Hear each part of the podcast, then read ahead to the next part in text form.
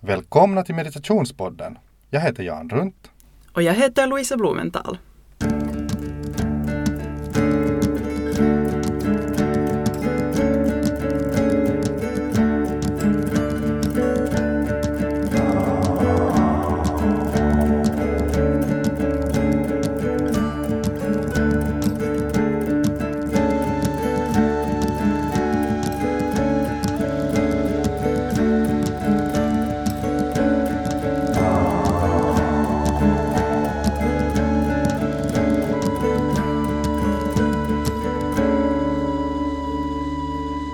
I dagens avsnitt tänkte vi prata om chakror och kundalini.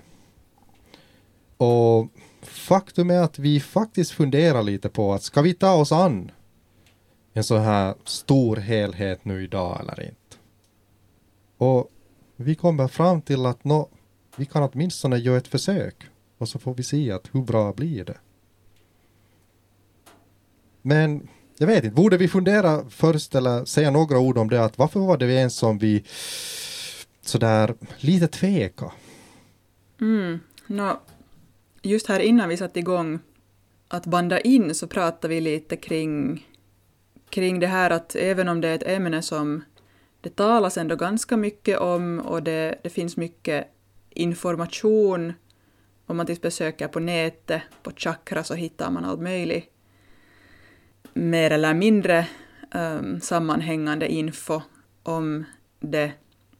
Och ändå så kanske det inte finns jättemycket så här uh, kunskap som grundar sig på egentlig erfarenhet. Och det var väl där i alla fall jag kände att, att jag lite tveka inför det att har jag, har jag den här djupa personliga erfarenheten som jag skulle vilja ha innan jag pratar om något ämne kan jag faktiskt stå för det jag säger eller kan jag faktiskt ge någonting nytt som inte någon annan skulle ha kunnat sagt bättre redan, som har mera kunskap om ämnet? Mm.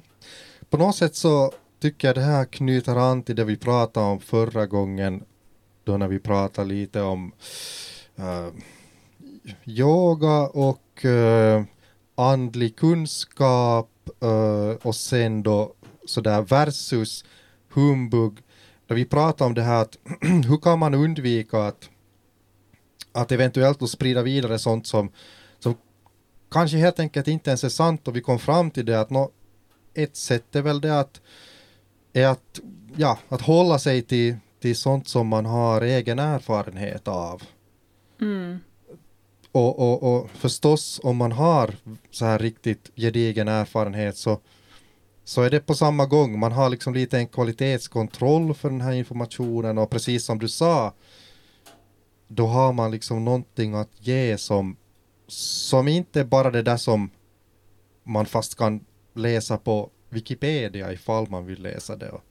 Och det där, ja alltså för min egen del så, så var jag lite sådär skeptisk. Jag tänker att det känns ändå som att chakror Särskilt då chakror. Kundalini tror jag att för många inte är ett lika bekant begrepp. Men, men chakror är väl nog ett, ett ord som, som många som har hört om yoga och bekantat sig med yoga, kanske sysslar med yoga, att de är ändå bekanta med att chakror är ett, ett viktigt begrepp inom yoga. Och det känns lite som att, att det är ett ganska sådär, mm, jag vill inte använda heligt, men att det är lite sådär att klampar man in där sen med sin, med sin egen syn på saken och, och, och jag då kanske upplever att jag nog har erfarenhet av att gå på djupet med det här ämnet. Men, men jag vet inte att är det sen ett ämne inom, inom den tantriska kunskapen, inom den yogiska kunskapen som jag i längden sen har, har gjort till någon så här riktigt viktig del av mitt eget utövande. Så det är jag inte så säker på. Men jag tycker ändå att vi kanske kunde gå lite så här och snusa på ämnet och, och sen se att, att finns det någonting där ändå i vår så här vår samlade kunskap som, som kanske kan vara helt intressant. Men om vi skulle börja med chakror mm, borde vi nog utgå då från att, att uh, kanske vår lyssnare, du, vår, vår kära lyssnare, uh, har du grundläggande kunskap om chakra eller borde vi gå riktigt så där igenom först att vad är den här helt uh, basic chakra för dummies vill jag inte säga men, men borde vi liksom kort gå igenom det? Jag tänker att för att överhuvudtaget kunna prata om chakror så egentligen borde vi ju först tala om energi, tala om... Och det gjorde vi ju för sig redan lite i avsnittet... Vilket avsnitt var det? Tänker du på stämningar och vibrationer? Precis, precis, där vi lite så här gick in på det att, att verkligheten byggs upp av energi, um, men gick inte jättemycket in på det närmare. Ja. Men den yogiska traditionen har liksom har en världsbild där, eller en människobild, en världsbild, både och, där den här energin är en verklighet som är precis lika verklig som den här som vi kanske oftast um, ser användas uh, som en referenspunkt här i, i väst. Um, energin är någonting som, som tas för givet, att den finns där bakom det här, den här kroppen som vi kan, vad ska man kalla det, vi kan se och vi kan röra vid eh, med våra yttre sinnen. Den som på, på sanskrit kallas för annamaya kosha, alltså kroppen som består av föda, av mat.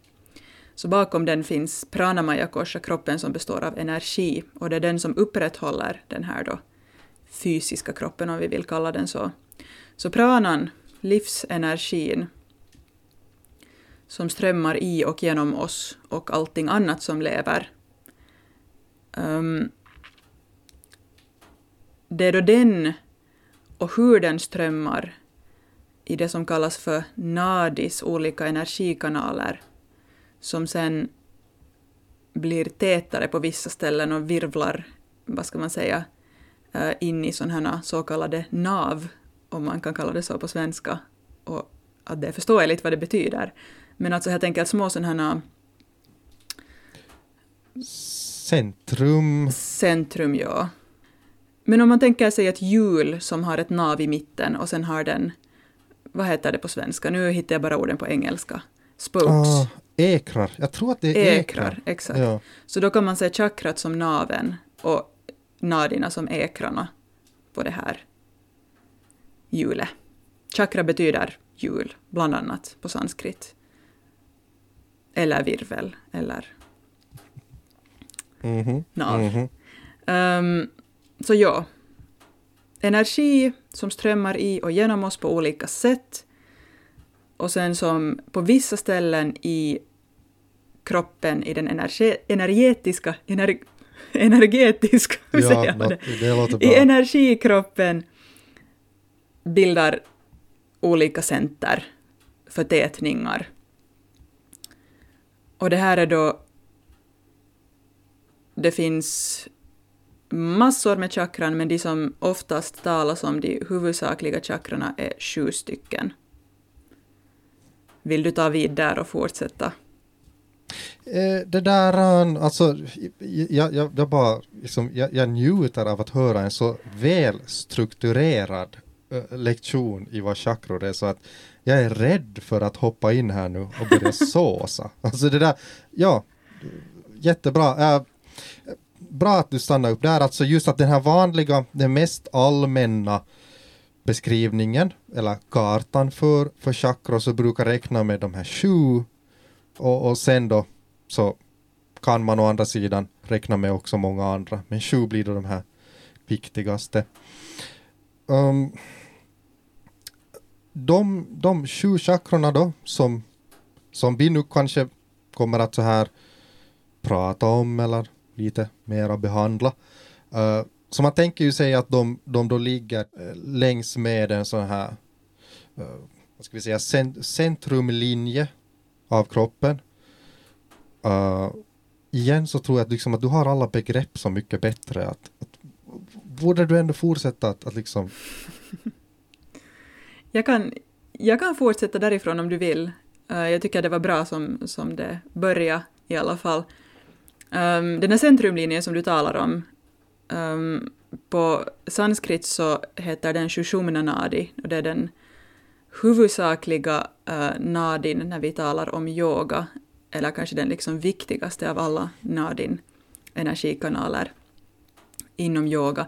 Och den sägs gå i, i ryggmärgskanalen, uh, i ryggraden, men man kan inte riktigt säga att den är i där, för det är inte i den fysiska kroppen. Vi måste tänka hela tiden på att det här handlar alltså inte om någonting som om du faktiskt skulle operera en människa i ryggraden så skulle du inte hitta den här nadin där. Det är inte alltså, det är inte fysiska nerverna vi pratar om, även om de går ganska så här um, på samma sätt som de fysiska nadina, eller vad heter det, nerverna. Um, så längs med ryggraden, börjandes nere vid bäckenbotten, för män är det strax ovanför mellangården som det här första stora chakrat ligger, Muladhara chakra, rotchakrat. För kvinnor sägs det vara högst uppe i slidan ungefär i höjd med livmodertappen. Men igen, det här är inte fysiska ställen. Det är bara som du sa Jan, det är kartor för att kunna rikta uppmärksamheten till ungefär rätt ställe. Och sen fortsätter det uppåt i eller längs med ryggraden till bakom blygdbenet, läggs ner i ryggraden till det som kallas för Swadhistan chakra. Swadhistan på sanskrit betyder ditt eget ställe. Och sen nästa chakra befinner sig bakom naveln i ryggraden och det är Manipur chakra. Manipur översatt betyder juvelens ställe. Ungefär sådär fritt översatt. Pur kan väl också betyda stad så vitt jag vet. Så juvelens plats eller ställe. Eller hemvist har jag också hört någon kalla det.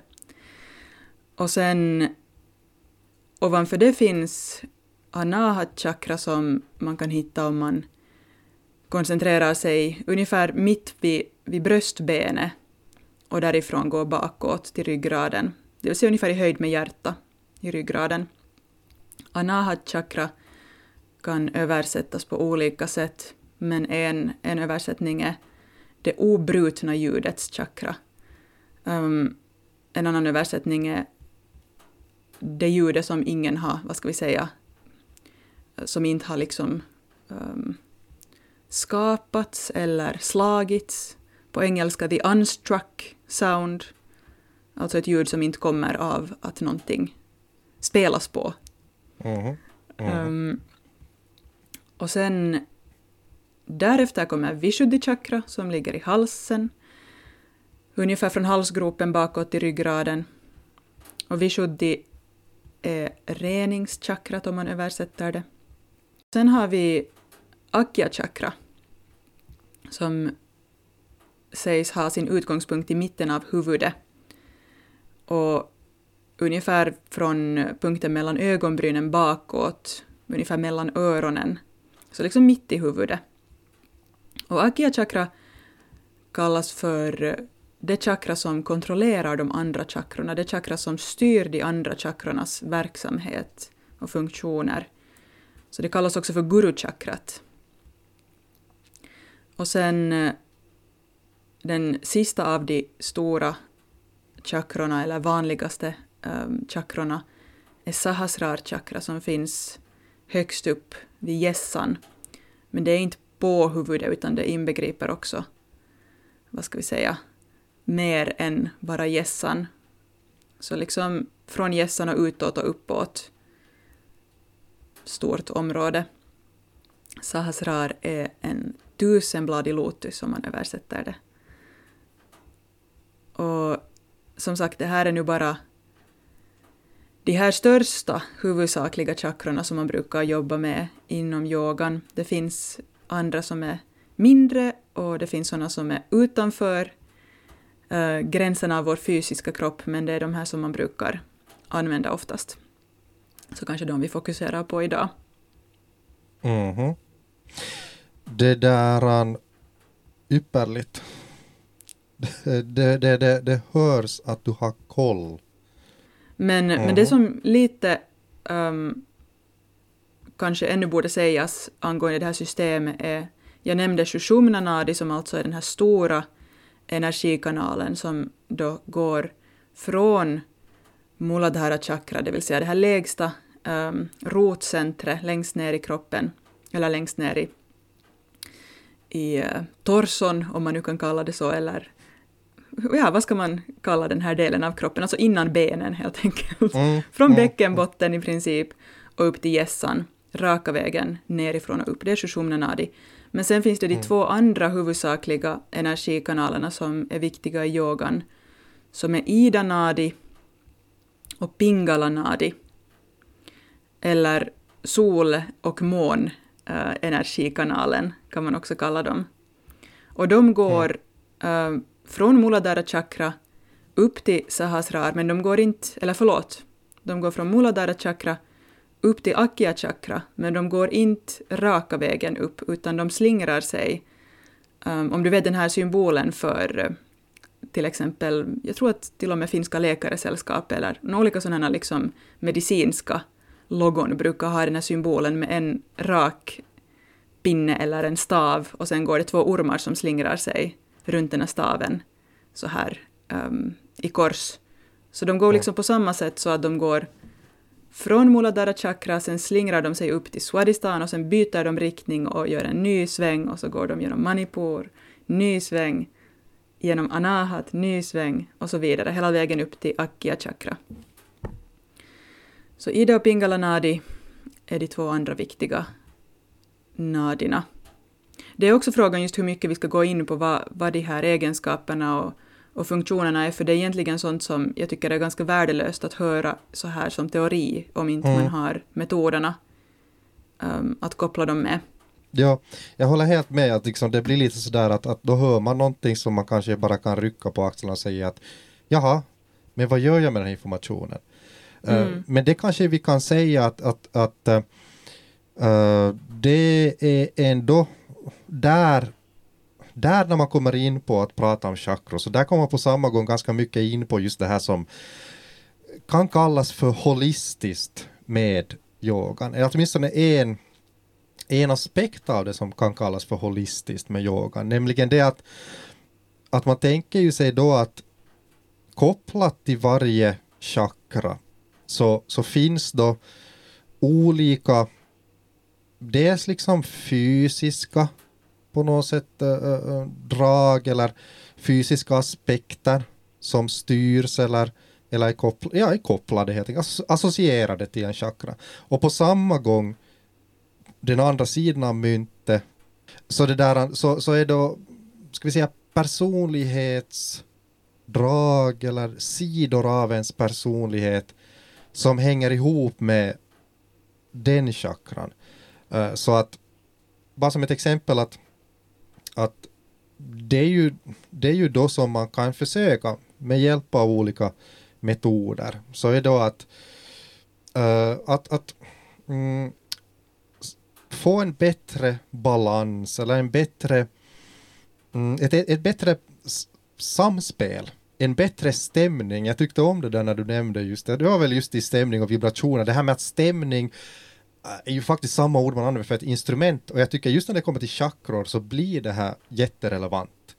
För att man på något sätt genom att jobba med chakron då, med hjälp av olika metoder, så försöker man helt stämma sina chakror i en bättre balans med, med varandra. Och, och det som man då kan märka är det att, att om chakror blir i en bättre balans, bättre så här, bättre tillstånd, så förbättrar det eller ja, man kan uppleva att det förbättrar egenskaper som då hänger ihop med den chakran och de kan vara väldigt så här grundläggande fysiska, alltså det kan vara, fast vara mats, alltså matsmältning. Det kan vara hur magen fungerar. Men på samma gång så kan det då vara att det på en helt ja, alltså social egenskap eller en egenskap som betecknar en på ett, ett väldigt så här uh, ja, ett, ett mycket mera då själsligt plan. Hurdan man är mm. som person. Är man en självsäker och, och, och sådär, är man en person som utstrålar en viss mängd av, av så här styrka och, och ja, självsäkerhet. Att, här tycker jag att, att, äh, att vi just kommer in på att när man pratar om yoga som en yoga, tantra, som en, en holistisk disciplin så, så det har väldigt mycket att göra just med det här att vad man, vad man försöker uppnå med hjälp av metoder som, som då går in på det här med chakror. Uh, no, en sak, det här det blir ju en lite lustig diskussion för att vi går lite sådär uh, väldigt explicit, väldigt uttalat så går vi som katten kring het gröt. Men alltså en sak som du nämnde när vi då diskuterade det här avsnittet innan vi började banda, eh, så var det att, att ett problem eh, för dig är det att det finns metoder för att gå igenom chakrorna och jobba med dem. Men det kan hända att vissa av de här metoderna helt enkelt är väldigt esoteriska. Alltså att det är sådana som vi inte kan nu prata om inför en offentlig publik. Ja, ja det, det tycker jag just det är, är svårigheten med det här ämnet. Och det finns metoder som, som explicit um, när du invigs i dem så då ingår det att du inte talar om dem. Och då tänker jag på, på riktigt sådana starka, verksamma metoder som just för att förhindra att de missförstås eller liksom vattnas ut um, så ska de enbart praktiseras och inte diskuteras. Sen finns det ju metoder som inte kanske liksom inbegrips av sådana här på samma sätt strikta regler, i alla fall inte så här explicit utsagda strikta regler, men, men oavsett så är det ju lite så att, att inte, inte går de här sakerna att prata om ändå. Mm. Ja, och det där, en, en sak som ju också man kan säga om det här, att varför är det esoteriskt? Alltså varför är det, för att nu använda ett, ett, ett vanligare uttryck, varför är det lite hemlis över det här? Och det är väl kanske just därför för att eh, som du sa där alldeles i början, i yogan och tantran så, så det där eh, så det här energiplanet mm, där är man liksom medvetna om att om att det här liksom, ja, att det här energiplanet är, är det är till och med starkare och det är till och med mera konkret och det, ja, det, det, det är liksom väldigt omvälvande om man nu tänker att man jobbar på en fysisk egenskap du går på gym och, och du övar jättemycket så här dödlift till exempel, en sån här tung tyngdlyftningsövning. Så, så det är klart att du kan skada dig, du kan överanstränga du kan överanstränga dig. Uh, men det är oftast en ganska tydlig upplevelse av att du får jätteont i muskeln och, du måste kanske vila den en längre tid. Uh, och sådär. Men jag menar, det, det, jag vill inte på något vis underdriva att hur dåligt det är om du går och tränar med, med dåliga instruktioner. Det kan förstås orsaka mycket problem om du går på gym och inte vet vad du ska göra. Men jag skulle ändå säga att, att det som kan gå fel om man, om man liksom sådär utan bra vägledning och utan kanske uppföljning av då någon som, som förstår sig på det här på en bra nivå. Så det som kan gå fel om man går in och börjar uh, jobba med den här energi som, som då chakrorna är så här centrum i eller nav i. Uh, så det kan gå så väldigt mycket mera fel. Alltså det kan vara så, så väldigt sådär um, eh, starkt det som händer. Det är därför det finns så jättestrikta regler kring de här metoderna och, och jag vet att, att vissa av metoderna är sådana som enbart får läras in till exempel under retreat-omständigheter, under tystnad och under en väldigt strikt diet och andra sådana levnadsregler som helt enkelt garanterar att det inte blir fnurror på uh, de, vad ska vi säga, mm, de fina trådarna som man jobbar med.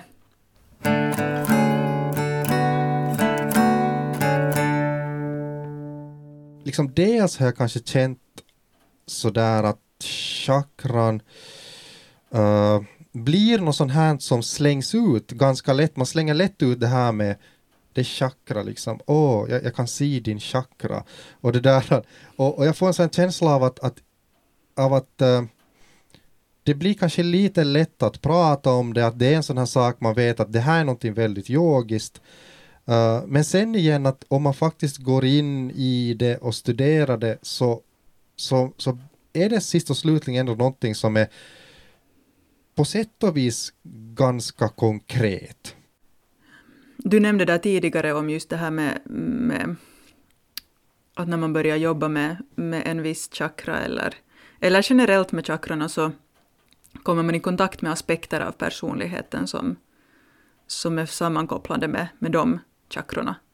Um, och på samma sätt tänkte jag om man då inte är medveten om de aspekterna av en själv så är ju de delarna på sätt och vis inte under ens kontroll eller inte under ens eh,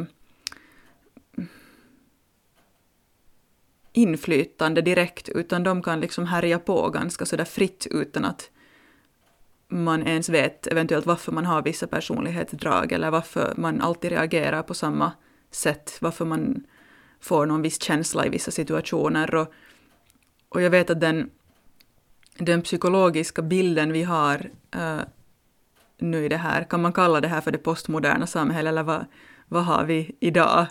Är det sen eller postmodern? Jag, jag håller helt ja. med, någonting sånt. Ja, ja. Så, så bygger ju mycket på liksom att saker har en sådär konkret yttre orsak. Just att, att har du ett trauma för någonting så det finns olika modeller inom psykologin och psykiatrin för hur man ska behandla det. Men om man ser det ur perspektivet av energi och chakra så då behöver du nödvändigtvis inte gå in och liksom ens analysera det och därifrån komma fram till varför du beter dig på ett visst sätt i någon viss situation, utan kan du påverka det chakrat, kan du påverka energin som är oharmonisk, så då löser sig det här problemet samtidigt. Det var någonting du sa som fick mig att tänka på just att det här när vi är omedvetna om vad som finns i oss. Du sa någonting med att det, det är någonting som ligger oss så nära, även om vi mm. kanske inte vet vad det är, så påverkar det ju våra liv om vi inte har kunskap om det, om vi inte vet, uh, vet om de områdena i oss och vet om hur, hur vi fungerar.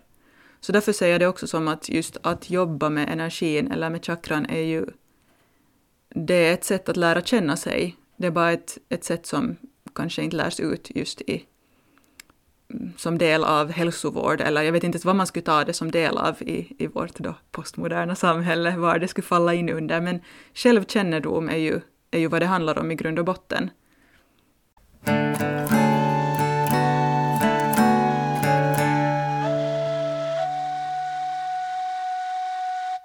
Och nu när vi då har försökt prata om chakror utan att egentligen prata om dem så hemskt mycket för att det finns så mycket som vi inte antingen kan säga eller tycker att det är någon vits att börja sådär beskriva i allt för mycket detalj så ska vi nu för att göra det hela ännu mera rörigt gå över till frågan om kundalini?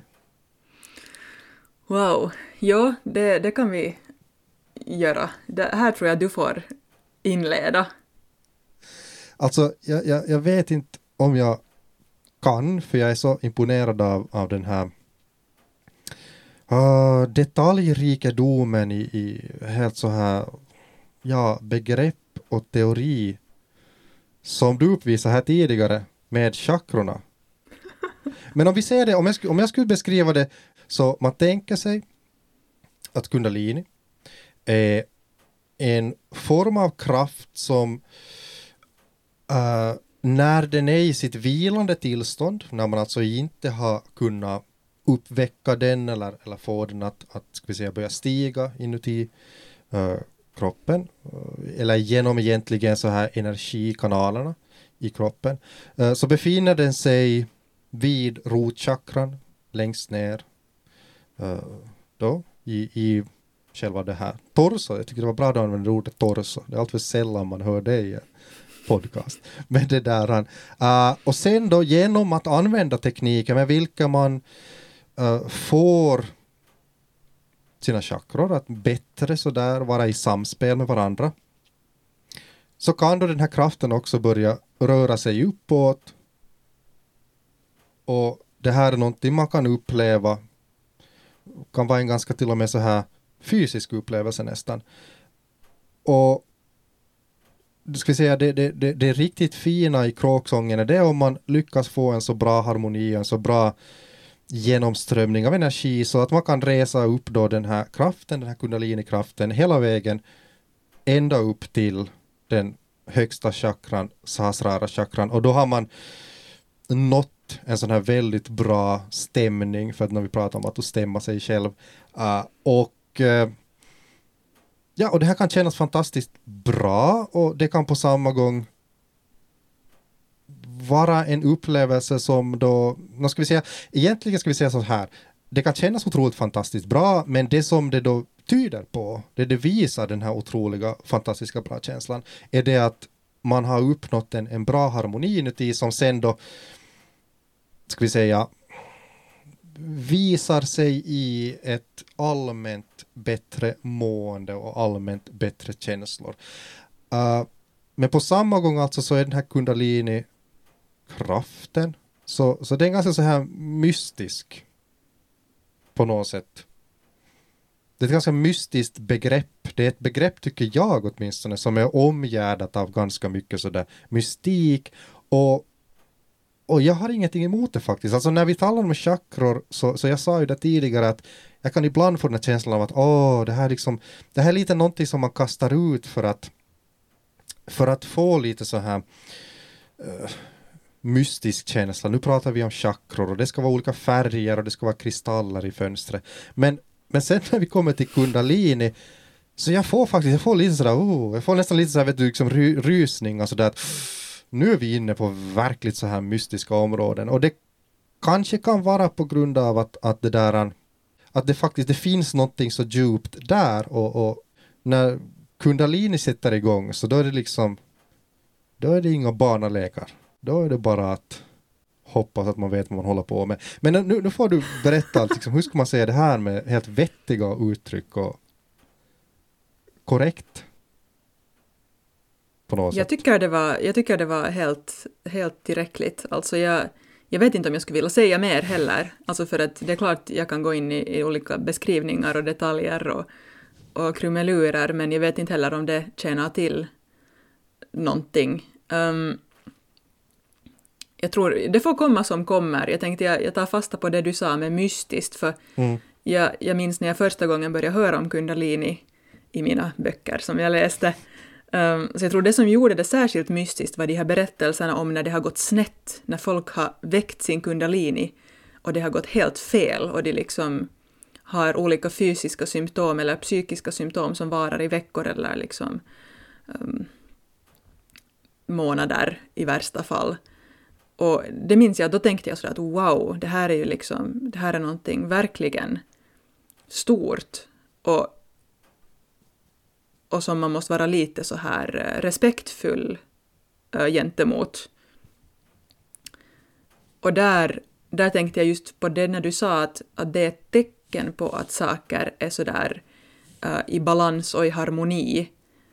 Um, så där tänkte jag på, på det som just är så fint med yoga och då tänker jag just hatha-yoga i sin ursprungliga bemärkelse, alltså just hatha-yoga som är att balansera, som är att stabilisera, och de här metoderna som tillhör, och det som då inte riktningen kundalini-yoga som Yogi Bhajan har, har gjort reklam för, men alltså kundalini-yoga, yoga som handlar om att uppväcka kundalini. Att när det görs regelbundet och stabilt och ens, resten av ens liv är i ett, ett så här kontrollerat på något sätt harmoniskt tillstånd. Så då blir det inte snett och då blir det inte uh, farligt eller så här just går snett som vi talar om också med de här metoderna som man, man lite så här håller under kontroll, att det just inte ska, ska komma i fel händer så att säga. Att det, det finns den här vetenskapen också där och de här metoderna som gör att, att du kan tryggt utforska den här ändå kraftiga psykiska, ähm, fysiska, energimässiga, alltså det är ju på alla plan fenomenet om någonting har en effekt, om någonting verkligen kan leda till någonting positivt, så då är det någonting som är ganska starkt. Och det betyder att allt, någonting som är starkt kan alltid också ha ja, biverkningar kan man väl säga. Och som just i, i fallet med, med då kundalini, så man, man brukar ju, eller jag tycker att ett ganska så här allmänt sätt att beskriva det är det att om det händer på ett sätt som är okontrollerat och man kanske inte är riktigt redo för det. Så det är då som det kan gå lite över och, och det kan kanske bli en för stark upplevelse och, och någonting som du just sa att, att någonting som kan ruska om en och kanske kan göra att man hamnar lite i obalans. Men nu, visst, ska vi inte kanske vara för skrämmande här. Men det här ska vi... Men det här tänkte jag att vi kanske borde prata om i ett annat avsnitt. Det vill säga så här lite oväntade, att när, när det går liksom, inte ska jag, ska, jag vet snett, men alltså oväntade effekter av meditation. Man kan ju diskutera om det um, på många sätt. In, inte bara just att det går snett, men så här att vad, vad man inte förväntar sig att händer när man mediterar. Men, men jag mm. tycker absolut vi ska, vi ska ta ett avsnitt helt om det, för det finns jättemycket att prata om gällande det. Ja. Um, och håller också med om att vi inte ska fokusera allt för mycket på det här uh, skandalösa, uh, eller vad säger man på svenska, um, no, de här skandalerna. No. Och, och kanske just att så länge man faktiskt har lite, jag vet inte vad man ska kalla det, sunt förnuft och inte är ute efter att joxa. Jag hittar inget bra ord för ja, det. Så där experimentera allt för mycket liksom? Eller ja, liksom experimentera på ett just sådär... Eh, ett, ett dumdristigt sätt. Ja. ja. Så då, då är det inte liksom, behöver man inte oroa sig. Och sen, jag vet ju att det finns till exempel exempel på människor som tar olika droger och hamnar i psykoser och liksom sådana här upplevelser som jag väl skulle kunna jämföra just med det att när det, du sa just det där att om man inte är riktigt redo, att man liksom, om man tvingar det, om man, mm. om man inte respekterar den man är i den stunden man är, utan man försöker vara någonting annat. Så det är ju inte liksom harmoniskt, det är ju inte balanserat. Mm. Jag säger mm. ju inte att det är någon lätt sak alltid att göra, att ha tålamod med sig själv.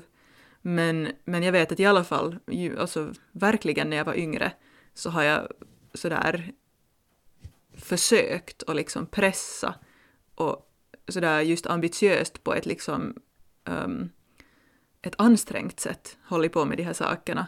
Men det är inte liksom det det handlar om, det är inte den svetten och det där att man slår sig blodig mot en vägg, utan det, det är mycket som det här är risk att det låter jätteklyschigt, men det är liksom det är som en blomma som öppnar sig. Det är en, det är en vacker och lugn och sådär eller inte lugn nödvändigtvis, men liksom det är en, det är en naturlig sak. Det är inte någonting man kan tvinga. Om du tvingar upp en blomma ur sin knopp, um, så då går den ju bara sönder. Men alltså det som jag ju tycker att nu håller vi på att prata bara en massa varningar, vilket ju förstås å andra sidan det gör det ju spännande. Alltså det låter ju jätte, just sådär som vi skulle vilja att det låter. Det låter mystiskt och spännande. Men jag tycker att det som man måste komma ihåg är ju det att, att just att, att eh, det här nu som kan hända, alltså den här liksom balansen mellan chakror, den här, det här flödet av, eh, det här, vad ska vi säga, uh, raka och ohindrade flöde av energi genom kroppens energikanaler. Alltså det kan ju vara något fantastiskt, bara skönt och det kan ju känna att det verkligen rensar ut en massa bara så här, ja, dåligt klägg som man vill bli av med. Så att det måste vi ju komma ihåg att sker det på ett bra sätt och, och allt går som det ska så är det ju faktiskt bara en jätte, jätte energigivande och bra och fin upplevelse. Mm. Jag, jag måste ju säga nog att, att det var en av orsakerna till varför jag flyttade in i ett ashram. Uh, det där att jag kände att jag har inte koll på saker och jag är inte liksom... No, dels har jag inte tillräckligt med kunskap om, vad jag, liksom, om de här metoderna i sig och jag vill lära mig mer om det. Men sen också just den där känslan av att jag har någon i så fall som liksom lite så här håller koll på mig, att jag inte flippar ut. Eftersom jag vet att jag har den här personligheten som är på ett sätt öppen för saker, vilket kan innebära att om jag skulle ha farit som 21-åring ut i någon stuga i skogen och haft de här metoderna utan att sen ha disciplin att hålla mitt liv i skick, vad ska vi säga, i det övriga med liksom sådär någonting att göra på dagarna, någonting att få ut den här energin på och liksom andra sådana äh, saker som skulle grunda en, så inte vet jag, jag skulle nog ha kunnat flippa på, på något inte så jättevettigt sätt. Så det var, det var faktiskt en, en motiverande faktor till varför jag flyttade in i ashramet i tiden. Att tänkte sådär att då, då har man den strukturen, de där ramarna och den där läraren som, som faktiskt vet vad, vad jag borde göra och kan leda mig om jag håller på att göra saker fel. Det kan vi väl inte riktigt sticka under stol med att det är ju nog den optimala miljön om man faktiskt vill gå så här 100% in på att att röra sig på en sån här djup nivå inom tantra mm. så om man har möjlighet. Men å andra sidan så vi kan inte å andra sidan utesluta det att, att förstås kan man jobba med alla de här sakerna också också på annat sätt. Men att ha en lärare som man kan vända sig till, så det är nog, det är nog väldigt viktigt. Mm. Och, och kanske just på en retreat har man, har man tillstånd att lite mera äh, släppa taget för att man har det här, den här strukturen och, och den här yttre kontrollen som har hand om en. Um, så jag, jag vet inte, jag, jag förespråkar nog jättemycket retreater.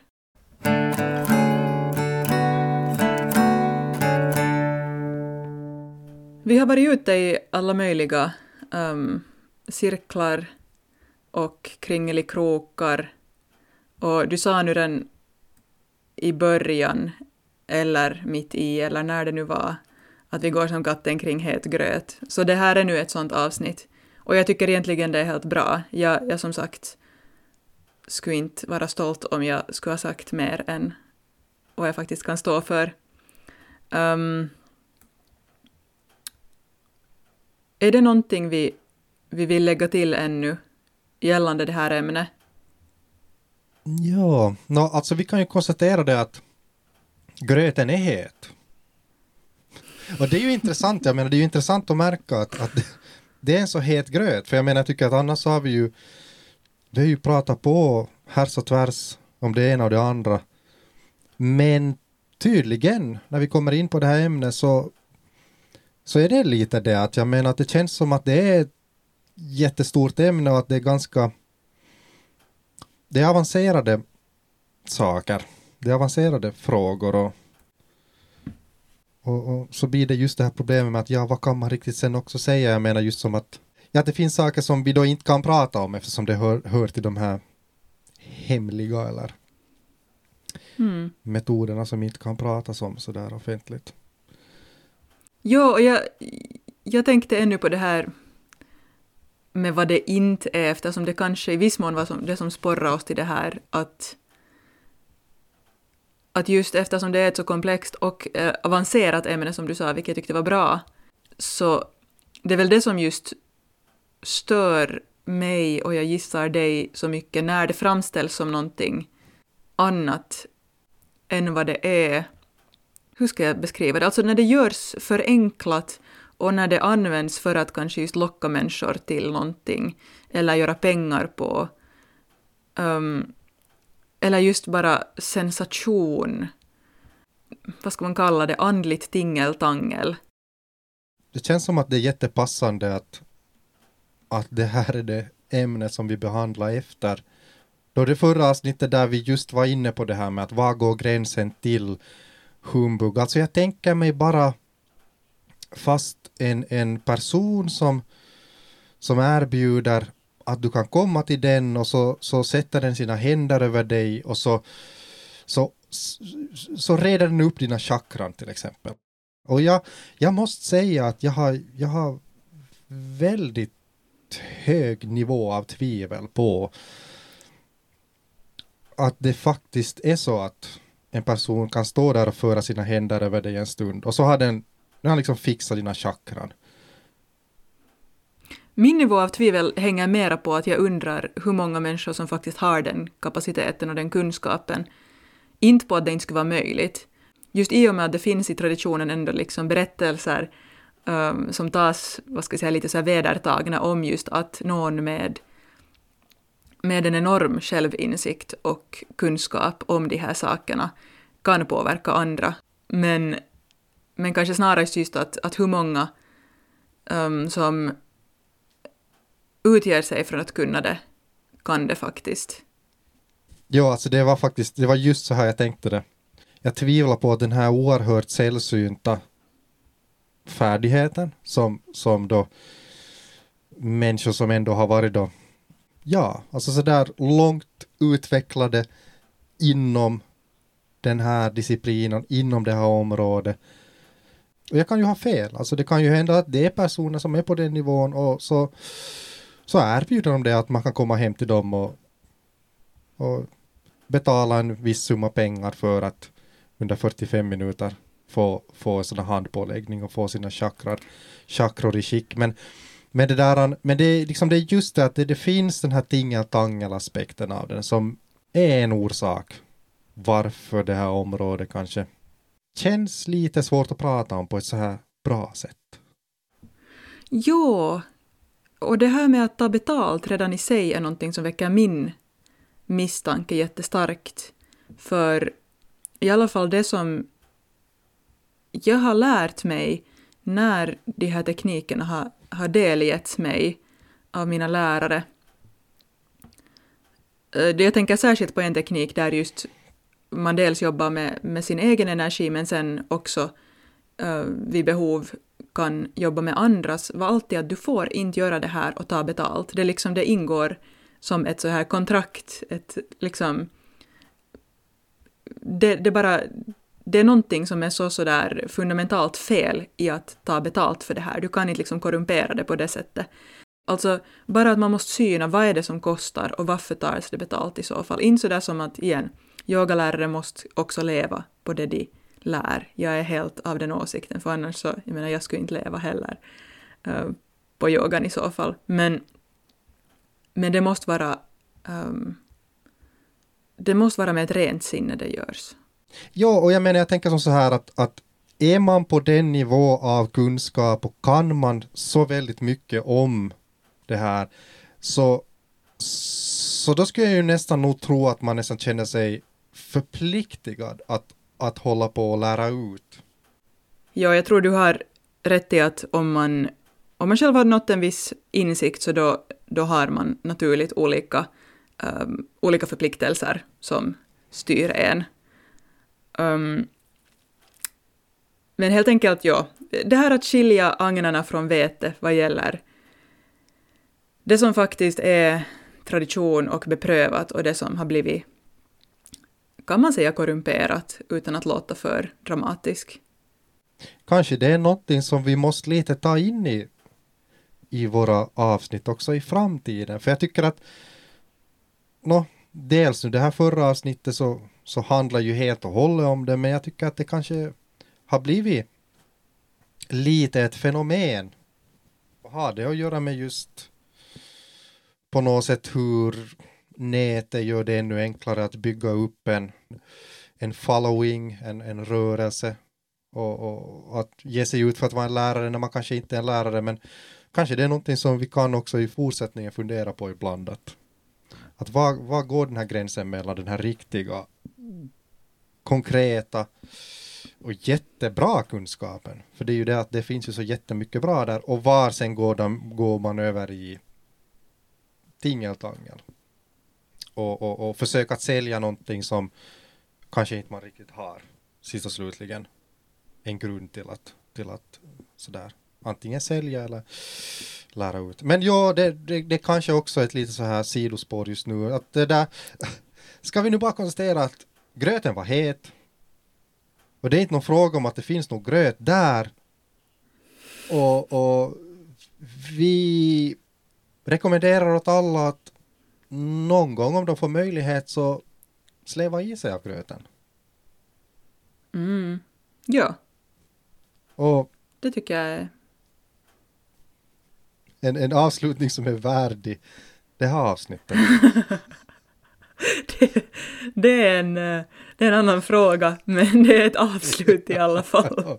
ja, men eh, då tackar vi då tackar vi dig som har varit tålmodig nog att följa med oss på den här Mm. kringvandringen och Jag, hoppas vi, jag hoppas vi har utvecklats på något plan ehm, i att inte sväva ut allt för mycket. Det är någonting vi jobbar på medvetet, att inte sådär gå allt för många kringelikrokar. ja, ja, Så tack, tack för tålamodet. ja, och så hoppas vi att vi hörs i nästa avsnitt som som då kanske till exempel behandlar oväntade effekter av meditation till exempel. Yes, det tycker jag absolut. Bra. Vi hörs. Tack för idag. Tack, tack Jan för idag. Tack för idag.